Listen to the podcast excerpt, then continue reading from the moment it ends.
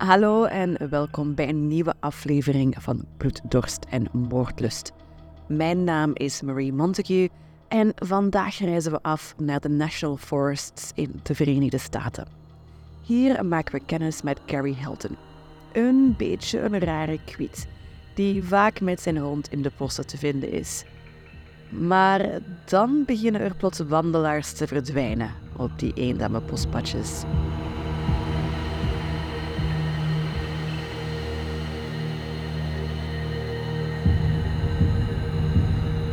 Het was 2007. John en Irene Bryant waren een gepensioneerd stel dat in het pittoreske dorpje Horseshoe in North Carolina woonde. En deze twee avontuurlijke geesten, 80 en 84 jaar oud, stonden in de buurt bekend om hun liefde voor het wandelen door de dichte bossen van het Pisac National Forest. Op een frisse ochtend in oktober begonnen de Bryans aan een gebruikelijke wandeling. Ze lieten hun kastanjebruine Ford Escape achter op de Yellow Gap Road in de buurt van US Route 276. Ze wisten niet dat deze idyllische dag zou veranderen in een nachtmerrie die de gemeenschap nog jarenlang zou tekenen. Naarmate de dagen verstreken, zonder iets van de Bryans te horen, raakten hun familie en vrienden steeds meer bezorgd. Twee weken gingen voorbij en het paar liet maar niets van zich horen. Men begon het ergste te vrezen en het Henderson County Sheriff's Office werd ingelicht over de vermiste senioren. Een heuse zoekactie werd op touw gezet met meer dan 30 vrijwilligers, bevlogen kadaverhonden en het ritmische gedreun van wieken van helikopters in de lucht. Nu, het dichte gebladerte van het Nationale Bos verborg geheimen en elk geritsel van bladeren en knakkende twijfjes werd onderzocht in de hoop de vermiste wandelaars te vinden. Op een kille novemberdag in 2007 deed er zich een sombere ontdekking voor, midden op het Barnett Branch pad. De vastberaden leden van de zoekpartij ontdekten een levenloos lichaam bedekt met bladeren. Het ergste was bevreesd. Er ontstonden geruchten dat dit Irene Bryant was. U weet wel, een van de vermiste senioren uit Horseshoe, North Carolina. Nu, de stoffelijke resten werden met spoed afgeleverd bij de lijkschouwer in Chapel Hill in de hoop antwoorden te vinden. Drie tergende dagen later kwam de bevestiging. Het slachtoffer was daadwerkelijk Irene Bryant. De feiten rond haar dood waren verschrikkelijk. Ze was gruwelijk toegetakeld met een stomp object. Toen dit besef doordrong, werd het onderzoek op federaal niveau voortgezet en werd de aandacht van de FBI getrokken door de catastrofe die zich in de nationale bossen leek te voltrekken. Het donkere nationale bos was het ijzingwekkende toneel geworden van een moord. En hierdoor waren de autoriteiten genoodzaakt om een beloning van 10.000 dollar uit te loven voor informatie die naar de onvindbare moordenaar zou leiden. Tegelijkertijd deed er zich nog een andere ontwikkeling voor. Iemand maakte een geldopname van maar liefst 300 dollar uit een geldautomaat in Ducktown, Tennessee, met de bankkaart van het koppel. Nu, de bewakingsbeelden voegden aan het mysterie toe. Hierop was een oudere, blanke man te zien, gekleed in een gele regenjas met een capuchon, diep over zijn gezicht getrokken om zijn identiteit te verhullen. Terwijl het verhaal zich verder ontvouwde, bleef John Bryant vermist. Men was nog steeds bang dat hij in handen was gevallen van dezelfde man die zijn vrouw om het leven had gebracht. De ijzige kou van 3 februari 2008 bracht antwoorden. Mark Waldrop, een jager, ontdekte een schedel in de uitgestrekte eenzaamheid van het Namdala National Forest. Hij deed dit langs de beruchte bosweg, ook bekend als de Switchbacks. Een telefoontje naar de lokale veldwachter leidde tot een onderzoek dat niet enkel een schedel opleverde, maar ook een bekken en een ruggengraat op zo'n 20 meter van de eerste vondst. Nu, het gebrek aan kleding of identificatie bij de skeletresten droeg bij aan het mysterie. En met een zwaar hart werden de botten naar de lijkschouwer in Chapel Hill gebracht, waar men aan de identificatie kon beginnen. En twee dagen later had men een antwoord. De overblijfselen bleken inderdaad van John Bryant te zijn. De plotselinge verdwijning van Cheryl Hodges Dunlap op 3 december 2007 schokte de hechte gemeenschap van Crawfordville, Florida. De 46-jarige, bekend van haar baan als lerares aan de zondagsschool, kwam niet opdagen in haar kerk in Tallahassee. Haar vrienden en familie waren meteen bezorgd. De volgende dag werd de verlaten witte Toyota Camry van Cheryl ten noorden van de countygrens teruggevonden. Wat was er toch met Cheryl gebeurd? Haar familie wist dat er iets niet pluis was en besloot haar als vermist op te geven. De politie besloot de verdwijning als verdacht te behandelen en was bezorgd om het welzijn van Cheryl. Ongeveer vijf dagen later vormde er zich een zoekgroep van ongeveer 180 personen, wanhopig om Cheryl veilig thuis te brengen.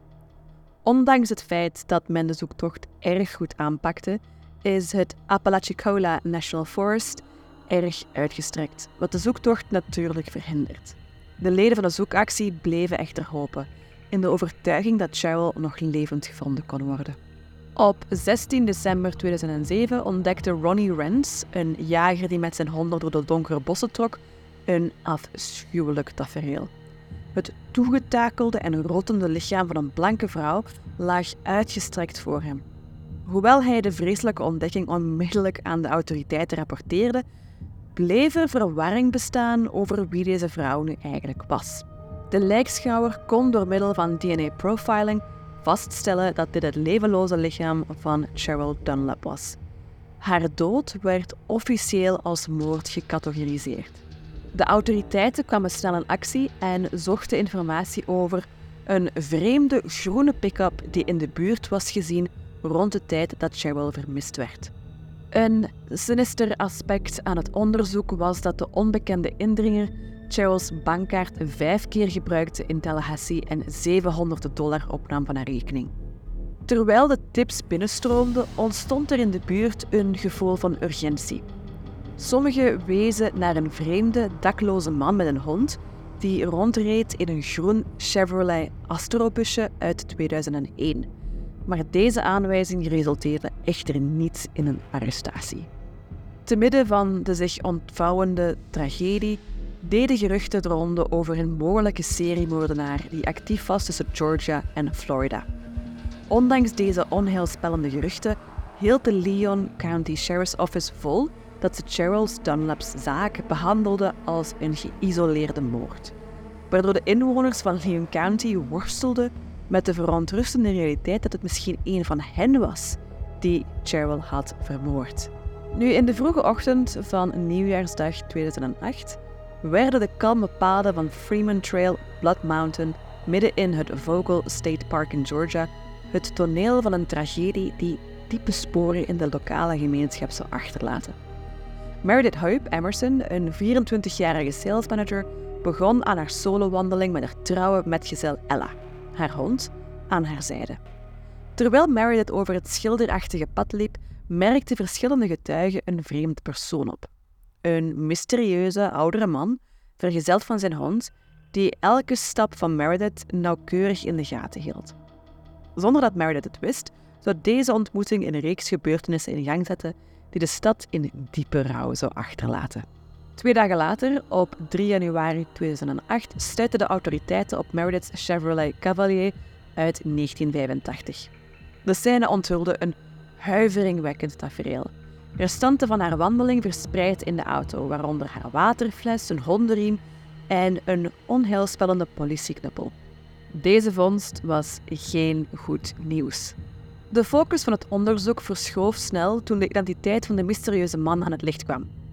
Een lokale zwerver genaamd Hilton, 61 jaar oud, bekend om zijn eigenaardige gedrag en opvliegendheid, werd geïdentificeerd als de persoon die Meredith volgde op die noodlottige dag.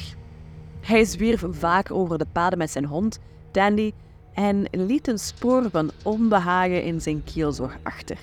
Nu Hilton een verdachte was, gingen de autoriteiten snel op zoek naar antwoorden. De onthullingen schetsten een grimmig beeld, terwijl Emersons familie angstig wachtte op nieuws over een vermiste dochter. Eén dag nadat Hilton officieel als verdachte was aangewezen, vond er een bitterzoete hereniging plaats toen Ella, de hond van Meredith, werd gevonden op een parkeerplaats van Kroger en werd teruggegeven aan de rouwende familie. Op 5 januari 2008 vonden de autoriteiten een onrustbarende verzameling van Meredith's bezittingen in een vuilnisbak bij een quicktrip parkeerplaats in Cumming. De akelige bezittingen waren onder andere haar bebloede kleding, een portemonnee, haar rijbewijs, een identiteitskaart van de University of Georgia en een bebloede autogordel. Die gezien kunnen worden als een nasleep van een gewelddadige ontmoeting.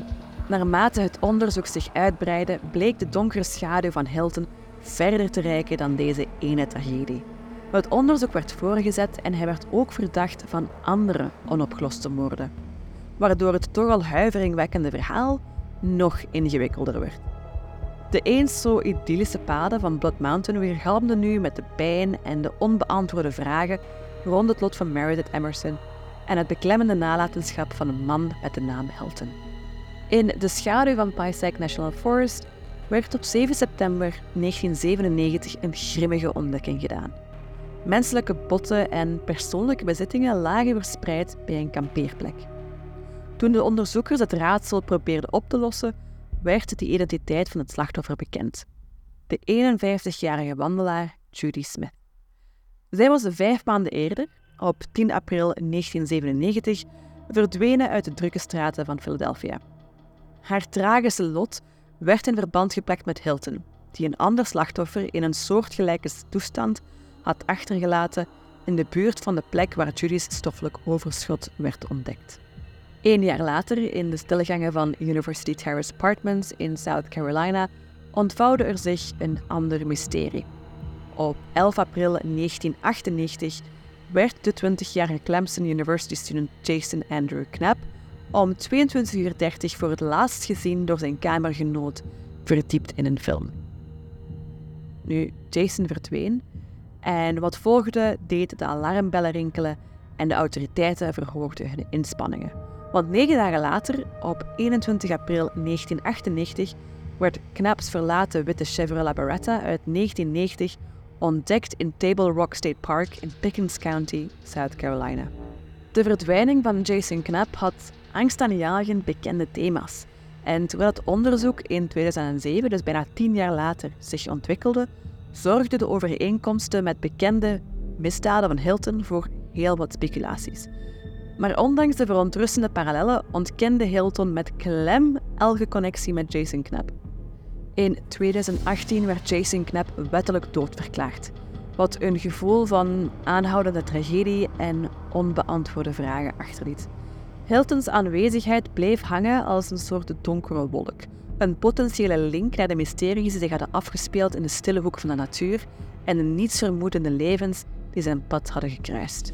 En er is nog een onopgeloste moord die eventueel aan Hilton kan gelinkt worden.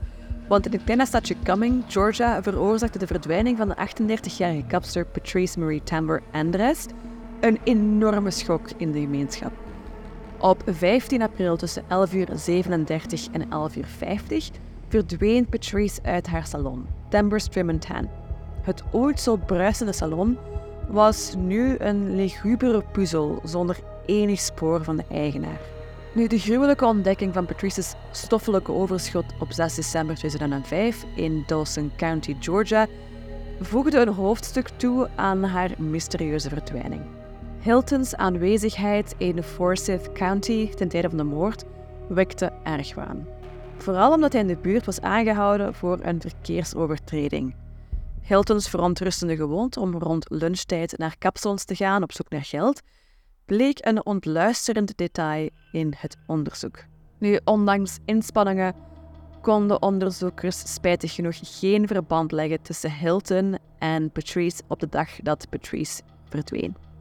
En nog eentje. Het beklemmende verhaal gaat verder met de 26-jarige wandelaar Rosanna Miliani uit Miami, Florida. Rosanna werd voor het laatst gezien in het Ramada Inn Hotel in Cherokee, North Carolina, rond het middaguur.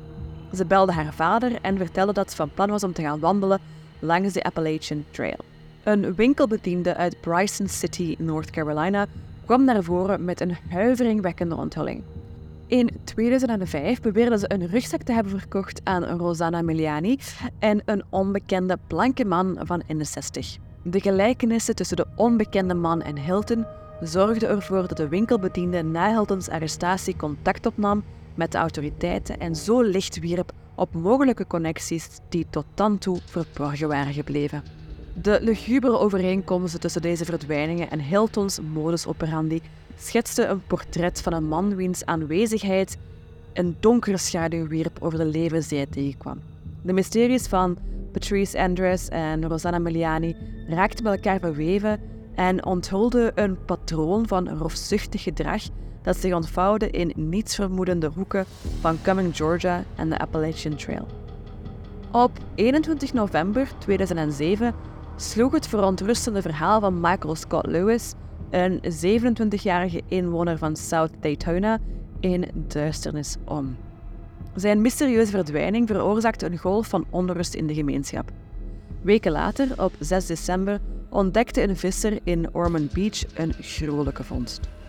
De in stukken gehakte stoffelijke resten van Michael Scott Lewis verpakt in zwarte zakken en achterloos in de Tomoka River gedumpt.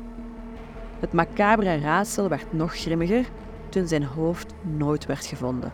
De identificatie van de stoffelijke resten nam enkele dagen in beslag en werd uitgevoerd door een laboratorium in Californië, wat een somber verband legde met Lewis. Terwijl Hilton als verdachte werd gezien in deze gruwelijke moord, beweerden de autoriteiten voorzichtig dat hij misschien niet de enige dader was en zinspeelden ze op een soort duistere samenwerking. Het gerecht begon eindelijk te draaien nadat een ijzingwekkende onthulling Hilton in verbrand bracht met de moord op Meredith Emerson. Vijf uur nadat de politie de spullen had gevonden die aan Emerson gelinkt waren, leidden twee anonieme telefoontips tot de arrestatie van Hilton. De tips beschreven Hiltons verdachte activiteiten, waaronder het stofzuigen van zijn busje bij een plaatselijk restaurant. En Hilton werd al snel in hechtenis genomen en hij werd beschuldigd van ontvoering op basis van het overtuigend bewijsmateriaal dat hem in verband bracht met de zaak Emerson. Nu, terwijl Hilton achter de tralies van een federale gevangenis in Atlanta zat, werd er in het uitgestrekte 90 vierkante mijl grote Chattahoochee National Forest hard gezocht naar het lichaam van Meredith Emerson. Het grimmige onderzoek van Hiltons busje, een Chevrolet Astro uit 2001 die eerder door getuigen was gemeld, bracht een angstaanjagend detail aan het licht. De achterste autogordel ontbrak, dezelfde die werd ontdekt tussen Emersons persoonlijke spullen. In een verdoken juridisch manoeuvre sloot Hilton, die de doodstraf boven het hoofd hing, een lugubere deal met de politie. In ruil voor het ontlopen van de doodstraf onthulde Hilton de plek waar hij de resten van Meredith Emerson had gedumpt.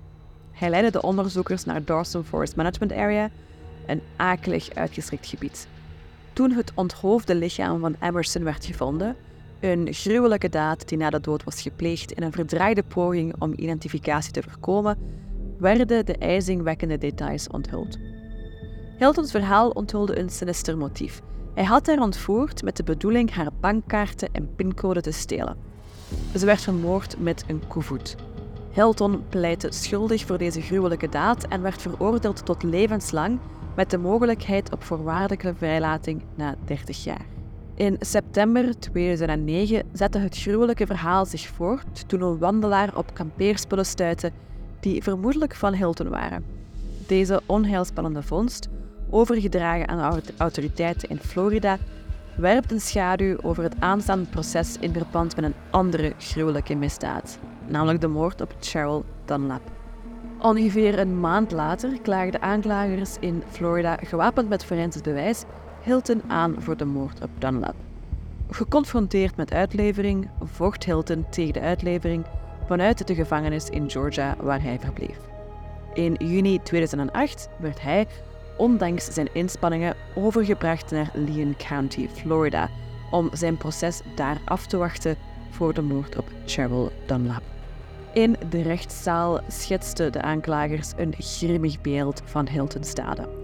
Ze beweerden dat hij Dunlap had ontvoerd uit het Leon Sinks Geological Area en haar twee kwellende dagen gevangen hield voordat hij uiteindelijk een einde aan haar leven maakte en haar lichaam op gruwelijke wijze onthoofde.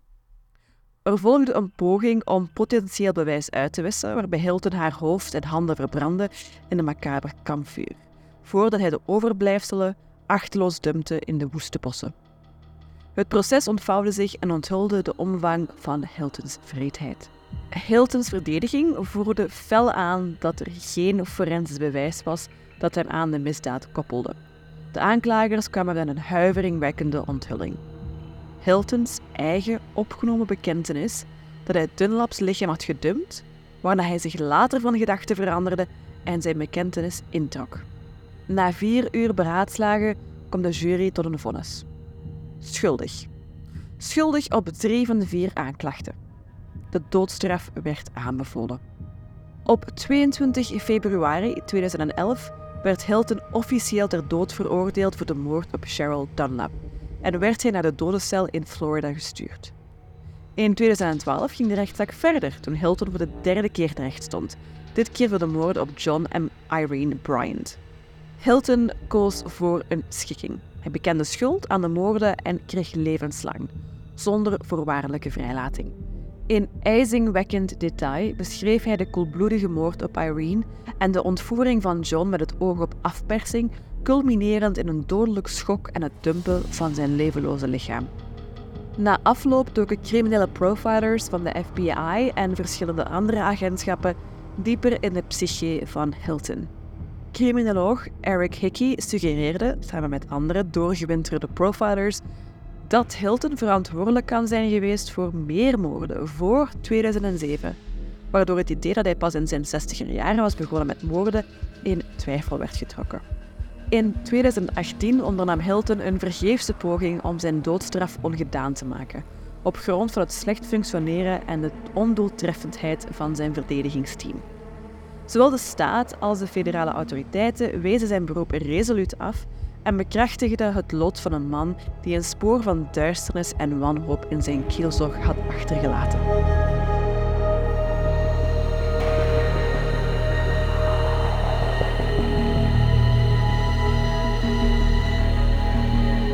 Bedankt voor het luisteren naar deze aflevering van Bloed, Dorst en Moordlust. Wat denk jij? Is Hilton verantwoordelijk voor de moorden uit de jaren 1990 die we hier ook hebben besproken? Of denk je dat deze aan een andere seriemoordenaar gelinkt kunnen worden? Laat het me weten via Q&A op Spotify. Ik zie je alvast volgende week weer voor een nieuwe aflevering. Tot dan, als je durft.